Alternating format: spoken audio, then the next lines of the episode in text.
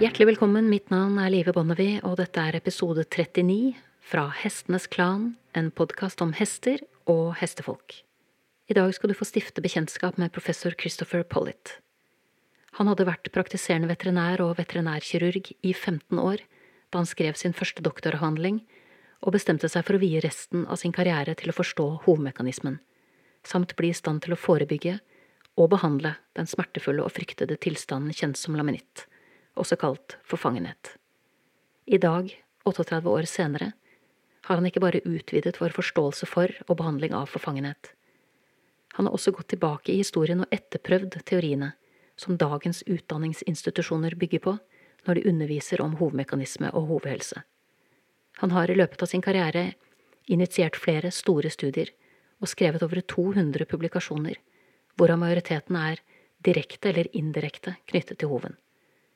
Han har også reist rundt i verden og studert syv ulike habitater til det mange ynder å kalle villhester, som egentlig er tamhester som har vendt tilbake til naturen og levd som ville hester over flere generasjoner. Feral horses, som de kalles på engelsk. Blant dem Kaimanova-hester fra New Zealand og selvsagt Brumbies fra hans hjemland Australia. Kort sagt en kunnskapsrik mann som er vel verdt å lytte til.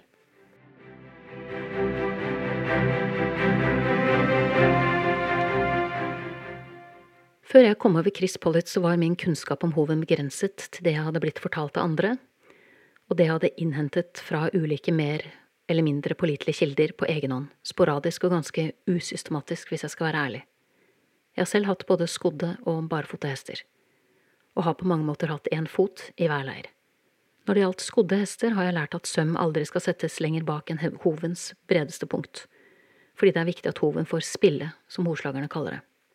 Det vil si at hælene får utvide seg, sålen senke seg, som igjen fører til at hovveggen foran kollapser umerkelig innover.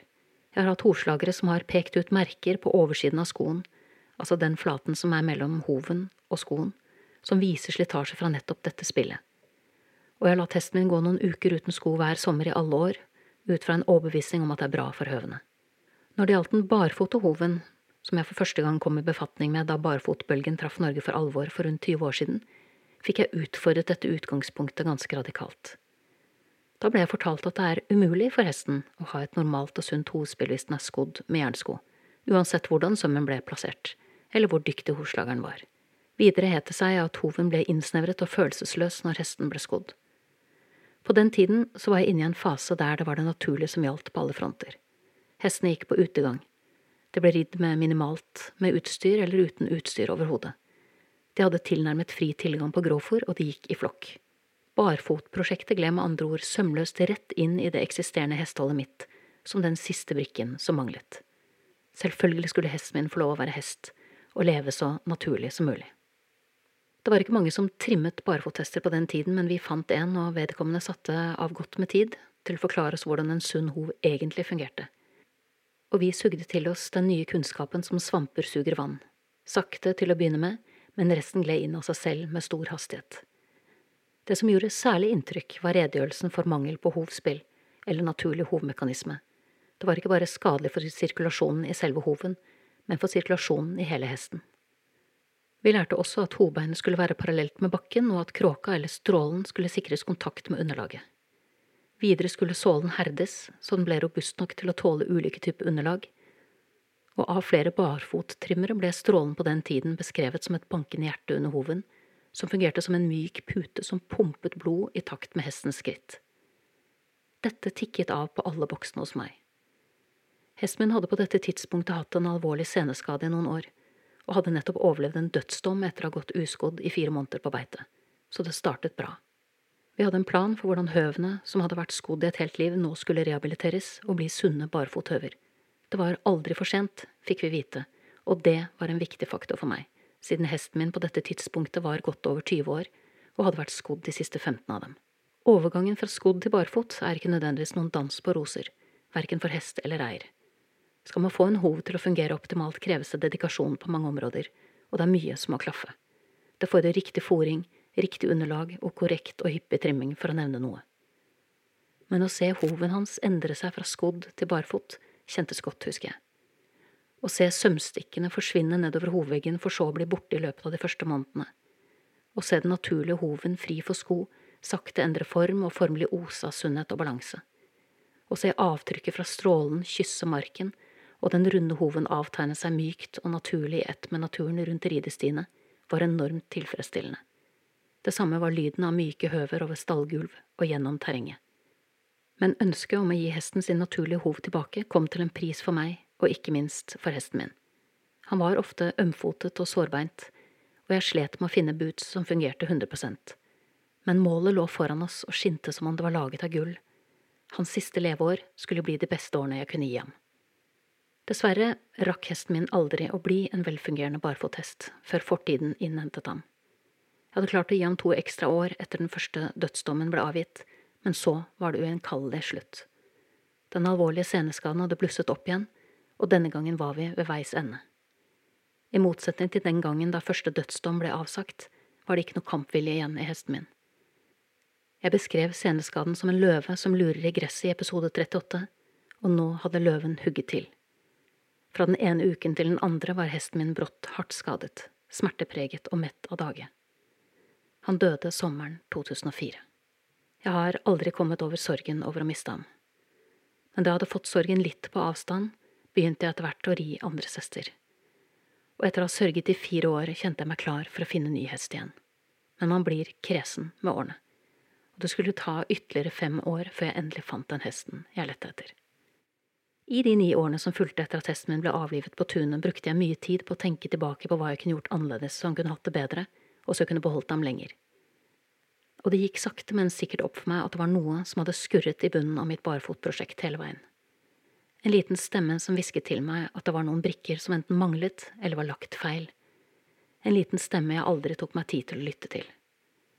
Men med en hverdag uten egen hest hadde jeg plutselig all verdens tid. Og deler av denne tiden brukte jeg til å bryte ned det som skurret i barfotprosjektet mitt, til konkrete puslespillbrikker som jeg siden har forsøkt å legge på nytt. Med en alvorlig skade på den dype bøyescenen som hesten min hadde, er det utrolig viktig at scenen ikke belastes mer enn nødvendig. Å lave hæler og lang tå er en uheldig kombinasjon. Men jeg aksepterte barfottrimmerens forklaring om at veterinærvitenskapen og hovslagerne hadde for liten kunnskap om hestens naturlige hov, og at scenen ikke ville lide noen overlast når hoven under var sunn og velfungerende. Mon det. Det er faktisk bare noen dager siden en av mine fremtidige gjester som over lang tid har jobbet med et interessant tverrfaglig prosjekt, påpekte at hvis drakten høynes med én grad, blir belastningen på den dype bøyescenen redusert med syv prosent. Så var det det faktumet at hesten min begynte å nappe til seg beinet hver gang høvene hans skulle trimmes. På dette tidspunktet hadde jeg hatt ham i over 15 år, og han hadde alltid stått stille og tatt imot det hovedregimet han fikk tilbud om i alle disse årene uten å mukke. Men nå mukket han. Det startet forsiktig, men ble mer og mer uttalt om han ikke ville ha barfottrimmeren i nærheten av høvene sine, eller om han kjente ubehag i høvene som ble tvunget til å ta mer vekt, vites ikke, men atferd som dette har som kjent alltid en årsak. Seneskaden hans var imidlertid ganske stabil i denne perioden, men jeg har i ettertid tenkt at det var mange faktorer som spilte inn her. Hesten min var mye sårbeint, og hadde dermed litt vondt i alle beina sine, noe som både påvirket måten han gikk på og mengden frivillig bevegelse ute sammen med flokken og han ble i forlengelse av denne sårbeintheten også lite ridd. Jeg tilbrakte for det meste tiden med ham fra bakken i denne perioden. Så ser man bort fra det ekstra draget fra lave hæler og den lange tåa, fikk scenen hans egentlig uvanlig gode betingelser for heles i så måte. Men tilbake til puslespillbrikkene som jeg slet med å få til å passe. Både mens hesten min levde og i årene etter at han døde, fulgte jeg med på en rekke andre barfottester som ikke var mine. Jeg reiste mye rundt på kurs, besøkte mange ulike staller i både inn- og utland, og har sett og ridd mye barfothest, men forsvinnende få av dem har fremstått som velfungerende.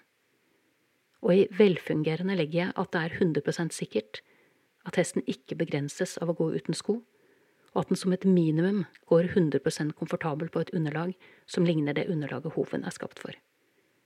Jeg synes også det er rimelig å forvente at den ikke blir halvt med jevne eller ujevne mellomrom. Sannheten er at jeg har sett få velfungerende barfottester de siste 15 årene. Færre enn fem, hvis jeg skal være helt presis. Alle de øvrige barfottestene jeg har sett, som selvfølgelig bare er et lite utvalg av en større populasjon, har alle hatt grader av utfordringer. Alt fra tydelig uttalte endringer i bevegelsesmønstre til mer subtile bevegelsesreservasjoner. Som et håndbrekk som ikke helt slipper taket. Du kan fint kjøre bilen uten å merke noe, men du merker likevel en markant forskjell når du løsner brekket. I forlengelse av disse observasjonene foretok jeg for noen år siden en veldig uformell undersøkelse, som heller ikke på noen måte kan sies å være representativ, men som likevel var tankevekkende. Jeg kontaktet vilkårlig de ti siste instruktørene jeg hadde ridd for eller møtt, og stilte dem følgende spørsmål. Hvor mange barfothester har du møtt i undervisningssituasjonen der du er 100% sikker på at hesten fungerer optimalt uten sko? De to første instruktørene måtte jeg stryke fra listen. Den ene bor i et land der det er forbudt å ri hester uten sko. Den andre hadde aldri opplevd å få inn elever med hester uten sko. Men de øvrige åtte instruktørene meldte følgende. Den første oppga antallet velfungerende barfothester til 30% og jeg merket meg at denne instruktøren underviser i USA, i en stat der forholdene for å gå uskodd må kunne sies å være optimale. Den neste sa 20% Det var en instruktør som underviste i klassisk dressur på det som må kunne sies å være et optimalt underlag. De øvrige seks anslo antallet velfungerende barfothester til å ligge på mellom 0 og 5% Nedslående tall, som dessverre sammenfaller godt med mine egne observasjoner. Men for all del, ingen fasit. Jeg har også brukt mye tid på å tenke gjennom det jeg har lært eller blitt fortalt. Det er en kjent sak at vi har skodd hester i flere hundre år, og at vi begynte å sko dem av en grunn. Det er fort gjort å glemme det i dag, men når du rir hesten din, så sitter du på ryggen av verdens første krigsmaskin. I flere hundre år var det så enkelt som at de som hadde hestene, var de som vant krigen.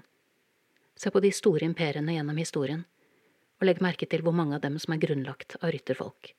Alexander den store, Djengis Khan, det britiske imperiet, for å nevne noen. Og er det to områder som er helt kritisk å holde orden på hvis du skal vinne en krig fra hesteryggen, så er det hestens fordøyelse og hestens hov. Resten av hesten kan som kjent overtales eller tvinges til nær sagt hva som helst. Dette lange perspektivet oppfattes relevant av flere grunner, både med tanke på hvor mange hundre år vi har holdt fast ved at skoing er den beste løsningen hvis en hest gjøres til et ridedyr, og med tanke på hva dette valget har fått å si for hestene vi avler i dag. Målet for alle som driver med hest, har alltid vært at hestene skal fungere så godt som mulig i menneskets tjeneste. Det være seg som krigshester, trekkhester, løpshester, konkurransehester eller hobbyhester. En gang sto det om livet, i våre dager står det ofte om ære eller penger. Store penger. Noen ganger millioner. Alle vet at det er små marginer som skiller nederlag og seier og det har siden rytterfolkets tidlige morgen vært mange liv å redde og mye ære og penger å vinne ved å sikre seg at man har marginene på sin side. Det er nærliggende å tenke seg at insentivene for å finne noe bedre enn jernsko alltid har vært til stede. Spørsmålet er om det å gå tilbake til den nakne hoven som dominerte før middelalderen, er veien å gå. Jeg har også tenkt mye på hva det har fått å si for dagens hester at vi ikke har vært avhengig av å avle spesifikt på hovkvalitet på flere hundre år. På Alexander den store og Stores og Djengis Khans tid ville hester med høver som ikke tålte belastningen, dø ut. I våre dager lever disse hestene i beste velgående. Det er naturlig nok også store individuelle og rasemessige variasjoner når det kommer til hovkvalitet, så det er ikke gitt at det å gå barfot fungerer på alle hester. Jeg har ellers tre hovedpunkter på mitt tankekart som kjennes verdt å nevne. Det første er at jeg har gjort flere observasjoner av voksne hester som av ulike grunner blir skodd etter å ha gått uten sko i mer enn ti år. Og jeg har sett hvordan de tar sine første skodde skritt litt prøvende, før de skyter av gårde som prosjektiler og bukker og hopper og danser med halen høyt hevet. Men jeg har aldri sett en hest som har vært skodd over flere år, gjøre det samme når skoene tas av. Det andre punktet er at jeg har hørt mange som har gått over til barfottrimming, uttrykke begeistring for hvor mye roligere og hvor mye mer harmonisk hesten er blitt etter at den ble barfot mykere å sitte på er den også, når støtdempingen i hoven fungerer som den egentlig skal, og det ikke er satt jernsko på. Men er det sant? Eller er forklaringen at testen er for ømfotet til å bevege seg fritt og uhindret, og dermed fremstår som roligere? Og kan vi utelukke at mykheten vi kjenner egentlig er et resultat av at testen må bevege seg forsiktig for å unngå å få vondt? Det tredje og viktigste punktet er at hvis det er sant at hoven er som et ekstra hjerte, som spiller en viktig rolle for organismen som helhet. Hvordan kan en bevegelse i hoven, som er så liten at man har slitt med å måle den i flere hundre år, være nok til å pumpe blodet tilbake i kroppen. Og hvis det er sant at hoven i seg selv faktisk fungerer som et ekstra hjerte, som er viktig for hestens overordnede sirkulasjon, hvorfor har naturen da valgt å plassere dette hjertet under hoven, slik både hovslagere og barfottrimmer jeg har snakket med, forfekter? Legg merke til hvor både hestens og ditt faktiske hjerte er plassert, dypt inne i brystkassen, med et solid gitter av knokler rundt. Viktige strukturer blir godt beskyttet, så denne ligningen har aldri gått helt opp for meg. Og i min jakt på å finne noen som kunne hjelpe meg med å legge disse oddebrikkene, som jeg aldri helt har fått til å passe, kom jeg over den australske professoren Christopher Pollitt. Det var Svein Bakke som nevnte ham i etterkant av vårt intervju i episode 25. Jeg fikk raskt plassert ham basert på filmer og artikler som lå ute på nettet, og jeg ble interessert. Så jeg sendte ham en mail der jeg spurte om han kunne la seg overtale til å stille som gjest, og så krysset jeg fingrene. Noen dager etter kom svaret. Han sa ja. Og det ble en prat der jeg omsider fikk plassert noen av mine mest gjenstridige brikker. Intervjuet med Chris Pollitt startet interessant. Han er basert i Queensland i Australia, og har i store deler av sin karriere vært knyttet til universitetet der som professor i equine medicine. Tidsforskjellen er på gode ni timer, og vi møttes da det var natt i Norge og ettermiddag i Australia. Jeg logget meg på konferansesamtalen litt før avtalt tid, og med et tastetrykk var jeg plutselig inne på kontoret hans med lyd og bilde. Men arbeidspulten foran kameraet var tom. I motsetning til veggen bak, som var dekket av en stor plansje over hoven og fotografier han hadde tatt selv. Hvert eneste bilde var av dyr og natur, og spennet i motivet avslørte en mann som har reist mye. Det er også lett å se både på komposisjon og valg av motiver at han elsker naturen. Og bildene avslører også et tydelig artistisk trekk som han altså kombinerer med en betydelig vitenskapelig kompetanse. Og det er en kombinasjon jeg alltid har satt høyt.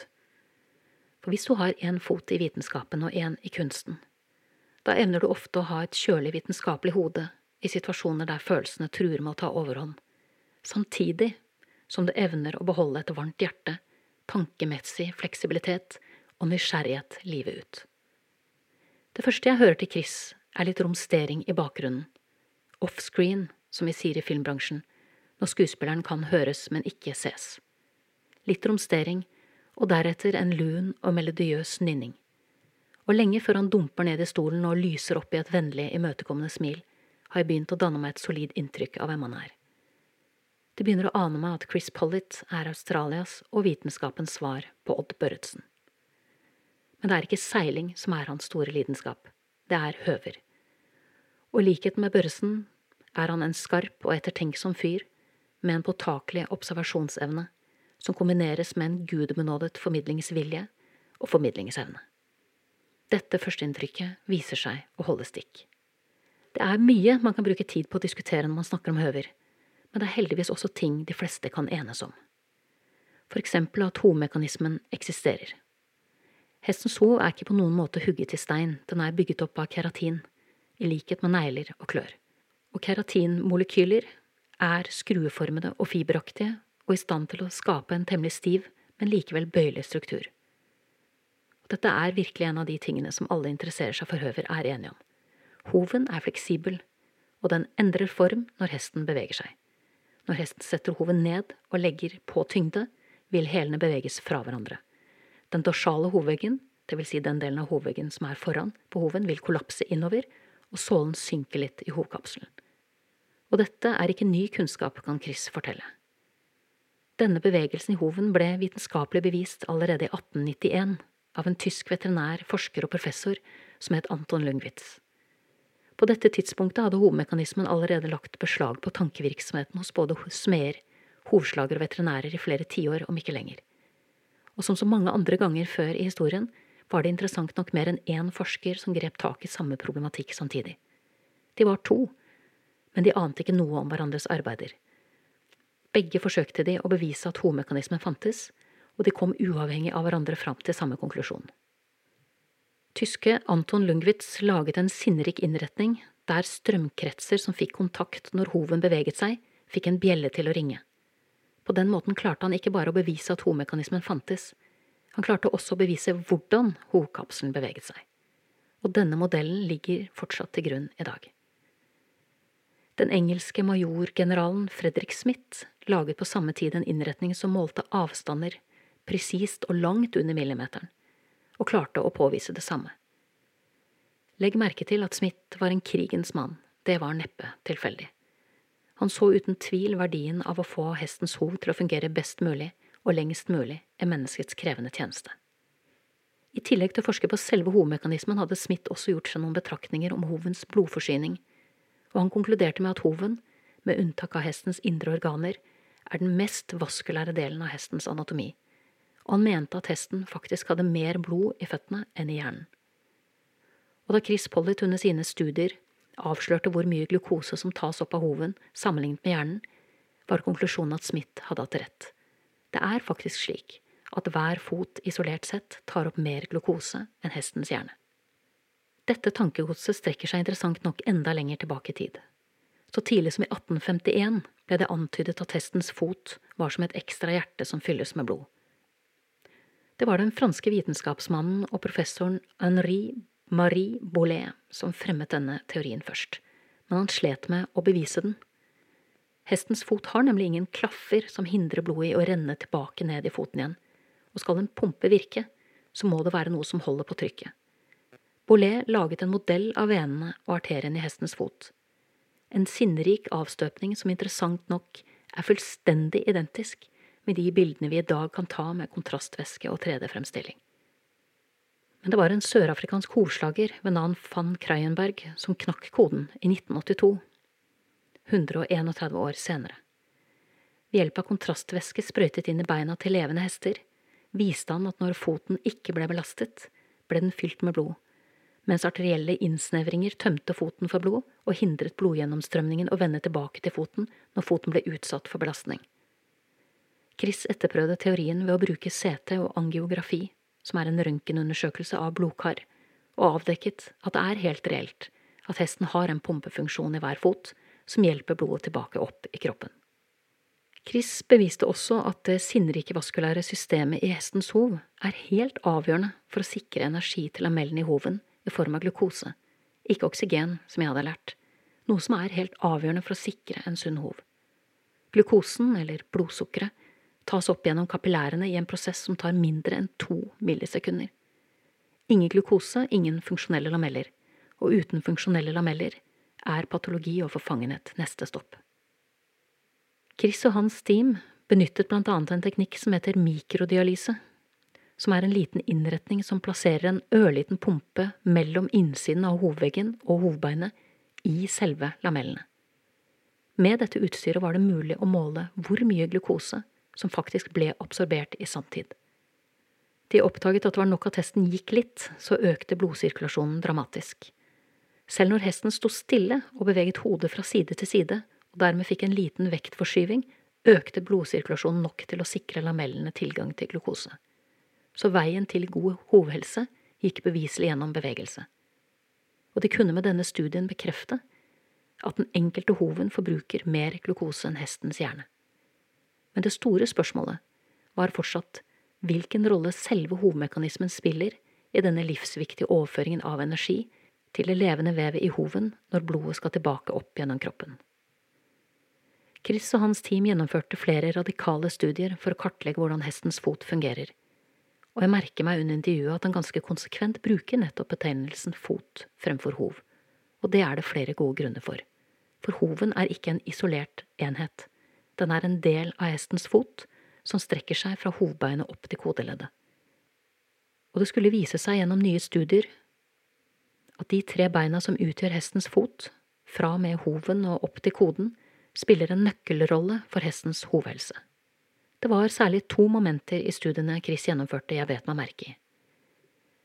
Den ene var da de skodde en hest med det han kalte en rimshoe, det vil si en jernsko som i tillegg til å dekke den vanlige flaten under hoven, også hadde en jernkant som strakte seg ca. to centimeter oppover hovveggen på utsiden og gikk rundt hele hoven. Som om kanten på den nederste delen av hoven var blitt dyppet i flytende metall som deretter hadde stivnet. Hovedmekanismen, som ble påvist allerede i 1891, ble med andre ord fullstendig eliminert, og hoven var bokstavelig talt låst fast i et jerngrep. Den andre radikale undersøkelsen jeg bet meg merke i, var den der de skrudde skruer inn gjennom den dorsale hovveggen, altså hovveggen i front, videre gjennom lamellene og like inn i selve hovbeinet, slik at hovbeinet ble fullstendig fiksert inni hoven. Når en hest blir forfangen, oppstår det som kjent en betennelse i lamellene, som fører til at hovens struktur svekkes radikalt. Det er lamellsjiktet som sørger for at hovkapselen er forbundet med hovbeinet, og i alvorlige tilfeller av forfangenhet kan hovbeinet løsne fra hoven og rotere eller synke ned i hoven, og i verste fall kan spissen av hovbenet bryte gjennom hovsålen. Teorien var at dersom de induserte forfangenhet, og hovbeinet ikke fikk mulighet til å løsne, men ble holdt på plass, så ville man unngå de alvorlige konsekvensene av forfangenheten, og når betennelsen i hoven gikk tilbake, ville man kunne løsne skruen igjen, og hoven ville være som før, ettersom hovbeinet aldri kom på avvei slik det normalt ville gjort under et slikt sykdomsforløp. Etter syv dager ble hestene i undersøkelsen avlivet som planlagt, og prøver av lamellene ble samlet inn og undersøkt grundig. Antagelsen var at lamellene ville være intakte, men det var det ikke. De var svært skadet. Så selv om han fikserte hovbeinet i hovedkapselen, og dermed effektivt hindret at hovbeinet løsnet, klarte ikke hoven seg bedre. Resultatet ble beskrevet som katastrofalt, og det var like store ødeleggelser i lamellene og like mye celledød som han ville fått hvis hovedbeinet fikk rotere eller synke ned i hoven. Interessant, men vel så interessant var det at hesten som gikk med spesialskoen som låste hoven i et jerngrep, og gikk med denne skoen over flere måneder, ikke viste noen tegn til patologi og hadde helt normale lameller. Det de ulike studiene til Chris bekrefter, er at blodet som beveger seg i det kapillære systemet, sikrer hovens levende vev god helse, og at disse prosessene er avhengig av bevegelse og vekselvis belastning-ikke belastning for å fungere men det er ingenting som tyder på at denne prosessen er avhengig av at hælene beveger seg fra hverandre, sålen senkes og hovveggen kollapser innover. Det er kapillærene som sikrer lamellenes integritet og sørger for at de blir intakte, og det er bevegelsen i falangene, som er samlebegrepet for de tre nederste beina i foten, som sørger for at hoven fylles og tømmes for blod. Det er disse tre beina som er hovens egentlige pumpe, og det gir utrolig mye mer mening for de har et enormt utslag i bevegelse sammenlignet med bevegelsen i selve hovkapselen. Og den mest sårbare delen er beskyttet dypt inn i hovkapselen, akkurat som hjertet er beskyttet dypt inne i brystkassen. Så hva er en sunn og velfungerende hov? Og hva vet vi om skadevirkningene ved bruk av jernsko? Ifølge Chris har de ikke klart å påvise noen patologi som er direkte knyttet til skoing. Så lenge forlangene, de tre ytterste leddene på hestens fot, kan bevege seg som de skal, spiller det faktisk ingen rolle hva du bruker under hoven. Jern, gummi, plast, lim eller ingenting. Det faktiske hovspillet er det samme. Hvis skoingen eller trimmingen er utført korrekt, vel å merke. Skader som følge av dårlig skoing eller feilslått trimming er selvsagt en helt annen historie. Det er, som en liten fotnote interessant nok, fortsatt mange ufaglærte hovslagere som er operative i Norge. Det er en ting som alltid har fascinert meg, at vi gjerne krever fagbrev hvis en håndverker skal gjøre en enkel oppgave i huset vårt, men likevel er komfortable med å slippe ufaglærte løs på en så komplisert og viktig struktur som hestens hov. Dette gjelder i og for seg både hovslagere og barfottrimmere. Og jeg tenker at det er viktig at den personen man velger, er en person som både holder seg faglig oppdatert og har et uh, solid teoretisk grunnlag å bygge på. Chris ga meg ellers også et uh, interessant perspektiv på den trimmemetoden jeg valgte for min egen hest. Det å senke hælene og få strålende kontakt med underlaget er nemlig ikke en 20 år gammel idé. Denne tankegangen ble første gang fremmet av Royal Veterinarian College of London. Det er usikkert hvor lenge metoden ble praktisert før den ble avskaffet, men det som er sikkert, er at metoden allerede for 100 år siden ble beskrevet som mer skadelig for hestene enn noe annet problem hesten hadde vært utsatt for til da. Det er informasjon til ettertanke for min del. Jeg husker nemlig at jeg stusset på at hovedbeinet skulle være parallelt med bakken, ettersom alle røntgenbildene jeg noen gang hadde sett av hester viste noe annet, men det slo meg den gangen til Roma at jeg bare hadde sett bilder av skodde høver, ikke av naturlige høver, og det bringer meg videre til neste punkt, jakten på den naturlige hoven. Chris og hans team har gjennomført flere studier på tamhester som har vendt tilbake til naturen. De tok totalt utgangspunkt i syv svært ulike habitat, og det første de avdekket, var det enorme spennet i hestens evne til å tilpasse seg. Noen av hestene oppholdt seg i ørkenområder og kunne bare drikke hver tredje dag. Noen av hestene hadde spesialisert seg for å overleve i områder hvor det fantes krokodiller, blant annet ved å unngå å gå ned til vannet for å drikke, men heller bruke høvene på frambeinet til å grave et hull nær bredden og drikke vannet som sev inn der. Som en liten kuriositet var dette de eneste hestene Chris fant som hadde en såkalt Mustang Roll. Chris merket seg også at selv om mange av disse hestene hadde en hovform som vi betrakter som ideell sett fra utsiden, var svært mange av høvene de undersøkte alt annet enn ideelle sett fra innsiden. De fant kronisk forfangenhet, betydelige skader og ulike patologiske tilstander i nær samtlige hester som ble undersøkt post mortem, ved hjelp av det mobile laboratoriet de hadde med seg ut i felten. Det de avdekket, var blant annet at de beste høvene tilhørte hester som levde i de mest ugjestmilde og karrige habitatene. Så jo mer krevende det var å overleve, og jo mindre marginene var, jo sunnere var høvene. Undersøkelsene avdekket også at hovbeinet aldri var parallelt med bakken, og at det ikke primært var sålen som var vektbærende, men hovveggen. De merket seg også at de færreste individene hadde en stråle som var i kontakt med bakken. Så hvor står jeg i dag, med tanke på barefothester? Og ikke minst, hvor står jeg med min egen hest som jeg kjøpte i 2013? Og hvor står Chris med sine hester? Ingen av oss er fundamentalister for å starte et sted. Han har noen hester som er skodde og noen uskodde. Alt etter individuelle behov og bruk. Selv kjøpte jeg en unghest som hadde gått uskodd på heia i fem år, som jo var et helt annet utgangspunkt enn å rehabilitere en 20 år gammel hest som hadde vært skodd hele livet. Så jeg startet med å ta røntgenbilder, og de avdekket et skolebokeksempel av en barfothov. Jeg valgte derfor å avvente skoingen og nøyde meg med å kjøpe boots i første omgang. Hesten min var ung, vinglete og uferdig, så det var ikke så enkelt å vurdere om den lille reservasjonen jeg kjente, var knyttet til høvene eller det å ha noen på ryggen men jeg kjente at han hadde håndbrekket på, så jeg valgte å sko ham, og da håndbrekket løsnet med skoene, beholdt jeg dem på, og han har vært skodd siden. For meg var det et enkelt valg. Det som har vært mer utfordrende, det er å se han bli skodd, å se sømstikken i hovveggen, og tåkappen som blir slått tilbake, på plass. Men dette handler ikke om mine følelser. Det handler om at hesten min skal føle seg vel med sine egne føtter og i hans tilfelle måtte det sko til. Jeg er mindre og mindre opptatt av hvordan høvene ser ut, og mer og mer opptatt av om de virker. Har jeg blitt en motstander av barfottrimming siden sist? Nei, det har jeg ikke, men jeg skal innrømme at jeg er en innbitt motstander av både dårlig trimming og dårlig skoing. Det er ikke for mye forlangt at hesten er operativ på de underlagene den beveger seg på, og det må være et ufravikelig krav at den skal være haltfri. Funker det, så funker det, men funker det ikke, da er loven om dyrevelferd og forskriften om velferd for hest helt krystallklar. Hesten skal beskyttes mot fare for unødvendig stress, smerte og lidelse. Punktum. Du har nettopp hørt episode 39 fra Hestenes Klan, en podkast om hester og hestefolk, men jeg anbefaler sterkt at du hører hele intervjuet med Chris Pollitt, som er på 1 time og 17 minutter, og ligger på min engelske søsterpodkast Clan of the Horses. Noter deg også at under flere av studiene har Chris tatt bilder av innsiden av hoven underveis. Så mange bilder at han har kunnet sette dem sammen i serier av røntgenbilder, som viser hva som faktisk skjer inni hoven, for eksempel når hovbeinet løsner på en forfangen hest. Du finner disse filmene på min hjemmeside, www.hestenesklan.no. I neste uke skal jeg besøke en institusjon som har ansvaret for å hjelpe oss hestefolk med å sikre hestene våre god velferd, nemlig Mattilsynet.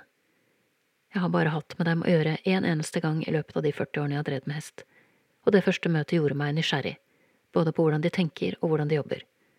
Det ble også en interessant samtale. Å, shit, jeg må huske å legge inn en liten rettelse til dagens episode, for det slo meg plutselig her jeg sitter nå at jeg sier sømstikk to ganger når jeg beskriver hullene til sømmen, men jeg mener selvsagt sømhull. Da gjenstår det bare for meg å takke min faste komponist Fredrik Blom, takke min gjest av uken, Kristoffer Pollitt, og sist, men ikke minst vil jeg takke deg, kjære lytter, for tålmodigheten. Måtte hesten for alltid være med deg.